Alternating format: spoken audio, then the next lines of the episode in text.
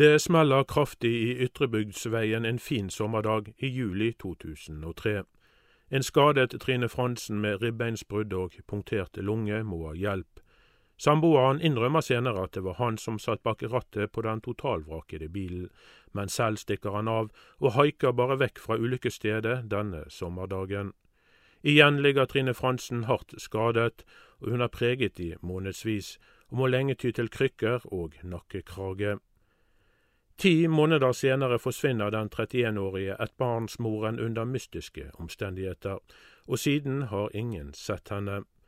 I disse dager er det 15 år siden hun sist ble sett, og nå har politiet bestemt seg for å åpne en grav på Øvstun.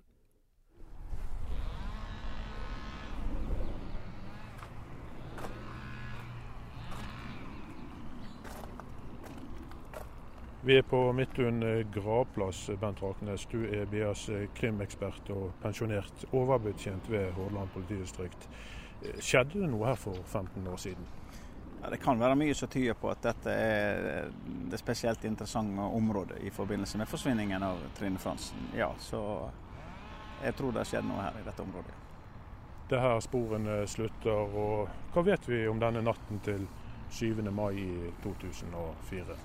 Det er mange teorier som har jo dukket opp underveis. Men eh, allerede tidlig i etterforskningen så var jo dette området aktuelt. Det også, kom også opp under eh, TV Norge-saken eh, som de hadde. og Da endte man også igjen på Østun her. Og nå i Insiders program så ender man tilbake igjen til Østun. Eh, mange andre rykter har jo gått om ting som har skjedd i, i Bergen by og rundt, og hvor henne hun kan være. Men, men jeg, ser nå at nå er det liksom tredje gangen vi er tilbake igjen her, og da har jeg stor tro på at eh, det her svaret kan ligge. Og Nå har politiet bestemt seg for å åpne en grav for å se om det eventuelt er levninger av Trine Fransen. Hva vet vi om det? Ja, vi har vel litt lite informasjon, annet at vi kjenner til arbeidet som er gjort her på gravplassen. Eh, så det er jo for oss alle å vente på om eh, de finner levningen her. Eh, Gjør de det, så vil jo det være veldig bra for de pårørende i særdeleshet. Men om vi får noe svar på hva som skjedde her på Østund, det er jeg mer usikker på. Ja, hypotetisk sett, hvis de nå finner noen levninger, hva er da sjansen for å få oppklart denne saken og få dømt skyldige? Jeg tror at det er nødvendig at noen forteller som var tett opp i hendelsen, og noen forteller historien hvis man skal få oppklart det. Det å finne levninger her, det løser ikke nødvendigvis saken, men klart det vil være veldig bra for de pårørende. De vil få iallfall et delvis svar.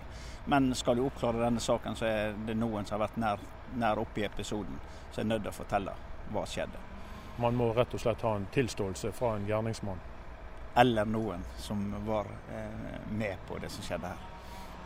Har du vært borti noen saker tidligere i din lange karriere i politiet der personer har blitt gravlagt, uh, utsatt for en forbrytelse først, og uh, gravlagt i terrenget eller i, ved en kirkegård? Nei, dette har jeg aldri uh, opplevd før, så dette er helt nytt. Og det blir jo spennende om det lykkes. Fredag ble det kjent at politiet tar til med graving på Øvstun onsdag 15. mai.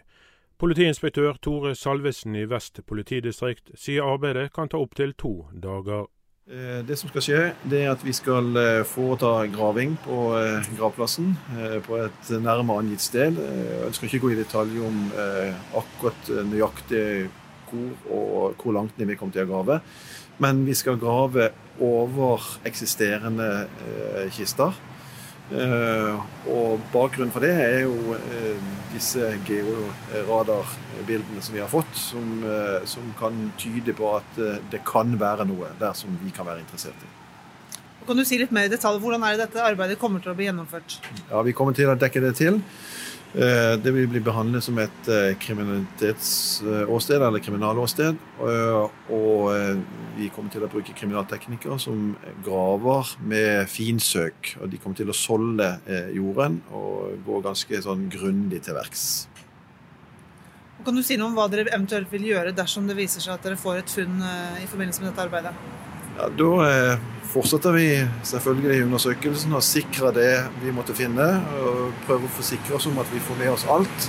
Eh, og så vil det bli behandlet eh, på lik linje med alle andre funn av døde mennesker eller menneskelige levninger. Og det blir transportert til Gradis institutt for obduksjon. Kan du også si noe om hvor vanskelig eller hvor lett det vil bli fastslå, å fastslå og kunne si noe om hva som skjedde eventuelt med, med Trine Fransen, dersom du skulle finne noe? Ja, Det er helt umulig å si. Det kommer alt an på uh, i hvilken stand disse levningene er i. Og ut ifra de teoriene vi har jobbet ut ifra. Altså, det er kanskje første gang politiet gjør et arbeid sånn som dette her. Kan du si om hvor vanskelig det arbeidet er, det som skal nå gå i gang med? Eh, vanskelige uh, Unnskyld. Uh, arbeid som sådan er ikke vanskelig. Det er en, en, vanlig gravejobb som vi har gjort mange ganger før, men vi har aldri gjort dette på en gravplass. Så, så det er det som er ekstra med denne saken. Og Hvor lang tid er dette arbeidet ventet å ta? Vi har satt av to dager foreløpig. Og det er fordi vi vet ikke hvor lang tid det kommer til å ta helt eksakt. Men det er iallfall det som er rammen vår. Du sier at dette Eh, stedet vil bli ansett som et åsted når dere går i gang. Hvordan vil dere ta vare på dette og sørge for at ikke uvedkommende får tilgang? Ja, Det har vi laget en plan for som jeg ikke ønsker å gå ut med nå. 25. mai 2004 blir bergenserne for første gang kjent med navnet Trine Fransen. I en notis med et bilde av henne heter det at hun er meldt savnet fra sitt hjem på Søfteland. Savnetmeldingen fikk politiet 13. mai, tolv dager før de sendte ut en kort pressemelding. Dagene går og lite skjer. 3. juni tar Trines søsken og mor kontakt med Bergensavisen. Hun forsvant ikke frivillig, var overskriften i avisen dagen etter. Familien er fortvilet over at politiet i Os ikke gjør nok for å finne henne. Selv om hun er narkoman, har hun krav på rettssikkerhet, er budskapet til de pårørende. Først etter sommerferien 20. august besluttet politiet å etterforske forsvinningen som en mulig drapssak. Det hadde gått drøyt tre måneder, bilder fra overvåkningskamera og data fra mobilbruk var slettet. Nei, Det som skjedde her, det er jo at eh, fra den savnet-meldingen vi inngitt på Os eh, lensmannskontor, og eh, de første månedene der, så er det vel ingen tvil om at eh, det gikk galt, for å si det sånn. Um, det burde etter min mening alarmklokkene burde ringt ganske tidlig i forhold til den informasjonen man satt i, i saken der, og at man burde høyne nivået på den etterforskningen som ble foretatt ganske tidlig. Har det noe sammenheng med at uh, Trine var en uh, kjent uh, rusmisbruker, og at man rett og slett tar litt for lett på dem når de er vekke noen dager?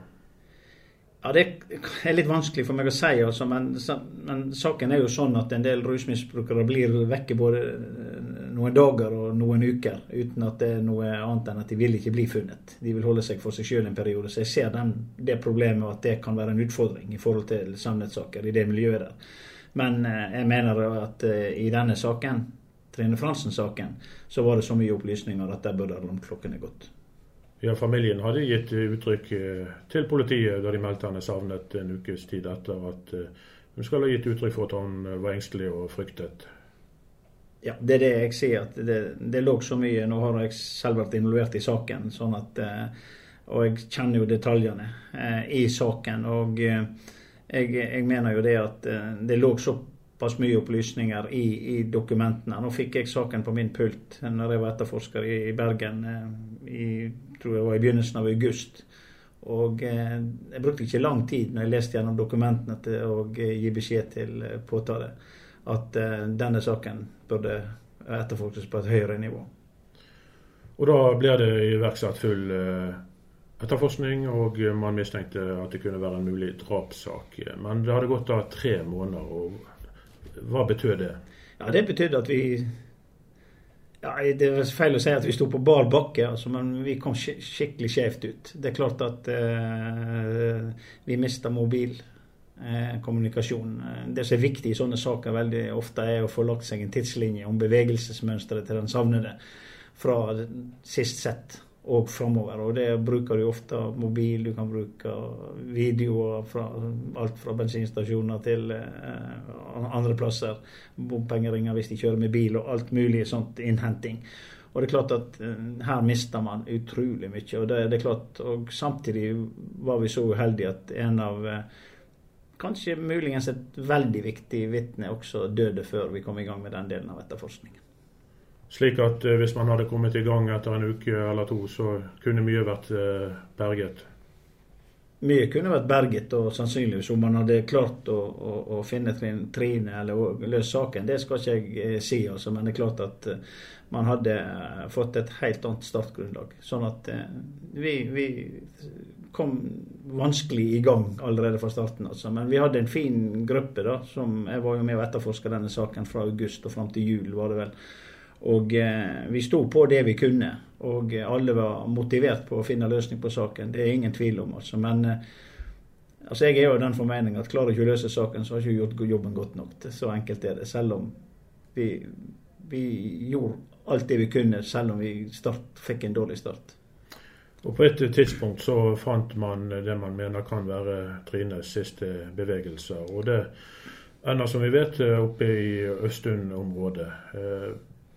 Hvor, hvor tid eh, fant man det ut at hun hadde vært her i en leilighet i en fest natt til 7. mai? Det fant vi ut ganske tidlig, faktisk. Det som skjedde på Østund i den, i den leiligheten som har vært veldig mye omtalt. Det fant vi ut ganske tidlig. Og eh, det er vel ikke alle som kjenner til det. det når jeg nå har gått igjennom avisartikler. altså at Vi hadde jo Likund fra Sverige som var kjent at vi gikk gjennom eh, leiligheten på Søfteland. Eh, men vi var også faktisk på, i leiligheten på Østund. Og eh, den leiligheten på Østund ble stengt av i flere dager, hvor han som bodde der da ble satt på hotell. Sånn at vi skulle ha kriminalteknikere inn, og vi hadde også Likund inn i leiligheten. Det interessante var jo det at denne Likund gjorde, likun gjorde utslag i, i leiligheten. Eh, men det var på et teppe. Og så når det teppet ble tatt ut av leiligheten, så gjorde han ikke utslag lenger. Og da, da, er det jo noe som ikke stemmer. sånn sett. Så den, Det holdt ikke i den dobbeltsjekkingen til at vi kunne bevise at noe var, for det var ikke noe spor på det. Og eh, kriminalteknikerne saumfarte leiligheten etter beste evne eh, den gangen. Men vi, vi, kunne ikke finne bevis på det. Også. Samtidig så hadde vi brannvesenet også som gikk og tråkket i elven like nedenfor der. Så allerede ganske tidlig var Østund et aktuelt område. Og på dette stedet så hadde det tidligere også vært et senter for eldre, altså et eldresenter. Så man vet ikke hvorvidt disse markeringene hadde noe med, med, denne saken å gjøre. Nei, det, det, det kunne ikke man si. Så, så, Derfor kunne ikke vi gå videre med det. Men det er klart at Østen og det området var særdeles aktuelt da også. Ja. I mai året etter kommer privatetterforsker Ola Tune på banen. Han undersøker Trines siste bevegelser og planlegger et program for TV Norge. Ifølge Tune ble Trine sannsynligvis drept i affekt på en fest i en leilighet i Østundveien natt til 7. mai. Igjen starter politiet opp ny etterforskning, og senere går politiet til pågripelser av Trines tidligere samboer og en 46 år gammel bekjent av ham fra rusmiljøet. Etter fem måneders etterforskning ble Trines samboer og kameraten hans løslatt fra varetekt. Uten et lik eller tilståelser, ingen sak, og siktelsene blir dermed uunngåelig henlagt av Riksadvokaten. I fjor høst lanserte TV-programmet Insider en ny makaber teori. Ifølge TV-programmet skulle Trine sannsynligvis ha blitt utsatt for en såkalt Judas-dose, en overdose narkotika satt av andre, og at hun deretter skulle ha blitt lagt i en åpen grav vel en halv meter under jorden. I vår har politiet fått hjelp til å skanne tolv graver med såkalt georadar for å se om det finnes eh, tegn til at andre enn de som var tiltenkt, kan ligge i en grav. Resultatene har ikke vært entydige, men har i alle fall gitt politiet grunn til å åpne en grav for å få avklart hva det kan være.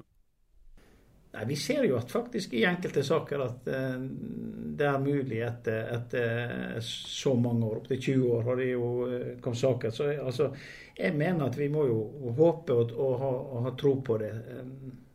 Det, det, det, var jo, TV-programmer har jo vært viktig, og det ble satt mye fokus på, på det. Det programmet som Ola Tune hadde i, på TV Norge, sant? skapte jo mye oppmerksomhet rundt saken. Eh, men som jeg har sagt tidligere, der òg ender man på Østund, og det syns jeg er interessant. At man ender i samme område i forbindelse med, med, med den saken. Da. Og eh, særdeles syns jeg også det var interessant å se det programmet fra Insider selv om det kunne vært redigert litt mindre, da, så, så, så, er det likevel at de var veldig åpne for opplysninger og forskjellige teorier. Eh, jeg tror faktisk at det kan være mulig, for noen der ute har svaret. Det er jeg overbevist om. Politiet kom sent i gang, det har ledelsen for lengst erkjent. og Det ble jo en granskningsrapport, og det ble utarbeidet nye instrukser. Men i ettertid så har det vært gjort en god del med denne saken. og Hva synes du eh, om eh, dine tidligere kollegaer nå som fortsatt eh, driver og etterforsker forsvinningssaken? Ja, Jeg må jo gi ros til, til, til Vest politidistrikt, som har satt av ressurser faktisk til å gjøre det. det, det, det den, den honnøren skal de ha. Jeg må jo også gi ros til min tidligere kollega Kjell Moe som etter han er blitt pensjonist, faktisk har tatt ansvaret for saken og skal koordinere den hele veien også fram til i dag. Og eh, Det setter jeg pris på. Jeg hadde jo godt samarbeid også med Kjell Moe når de kom inn og skulle snu bunken den gangen, for å se om andre øyne kunne se noe annet enn det vi andre gjorde. Og så Jeg setter stor pris på det. Og det er klart at alle som har vært involvert i en sånn sak, de, de ønsker oppklaring og svar. Det, det ligger på oss alle helt naturlig. Det som også har kjennetegnet uh, Trine Fransen-saken, er en veritabel rykteflom i miljøet. Vi har hørt mange forskjellige teorier om hva som har skjedd med henne. Hva kan man si om uh, slike rykter? Hvor stor uh, tillit kan man feste til dem? Nei, det, det er utfordringen.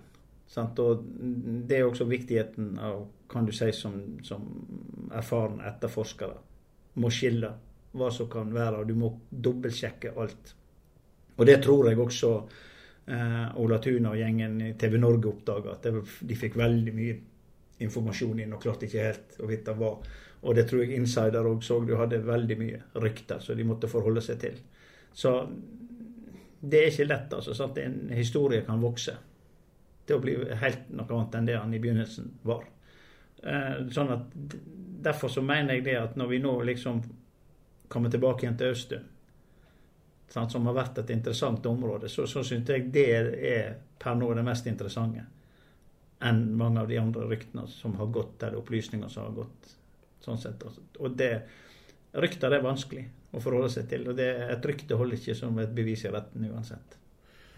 Og Savnessaker er også svært utfordrende å etterforske. og eh, Det har jo foreligget eh, forskningsrapporter som vektlegger det viktige av å komme tidlig i gang. Og eh, tror du eh, politiet i dag eh, har en mye bedre kunnskap om dette, og at de setter store ressurser inn på når det foreligger mistanke om at noen har forsvunnet på mystisk vis?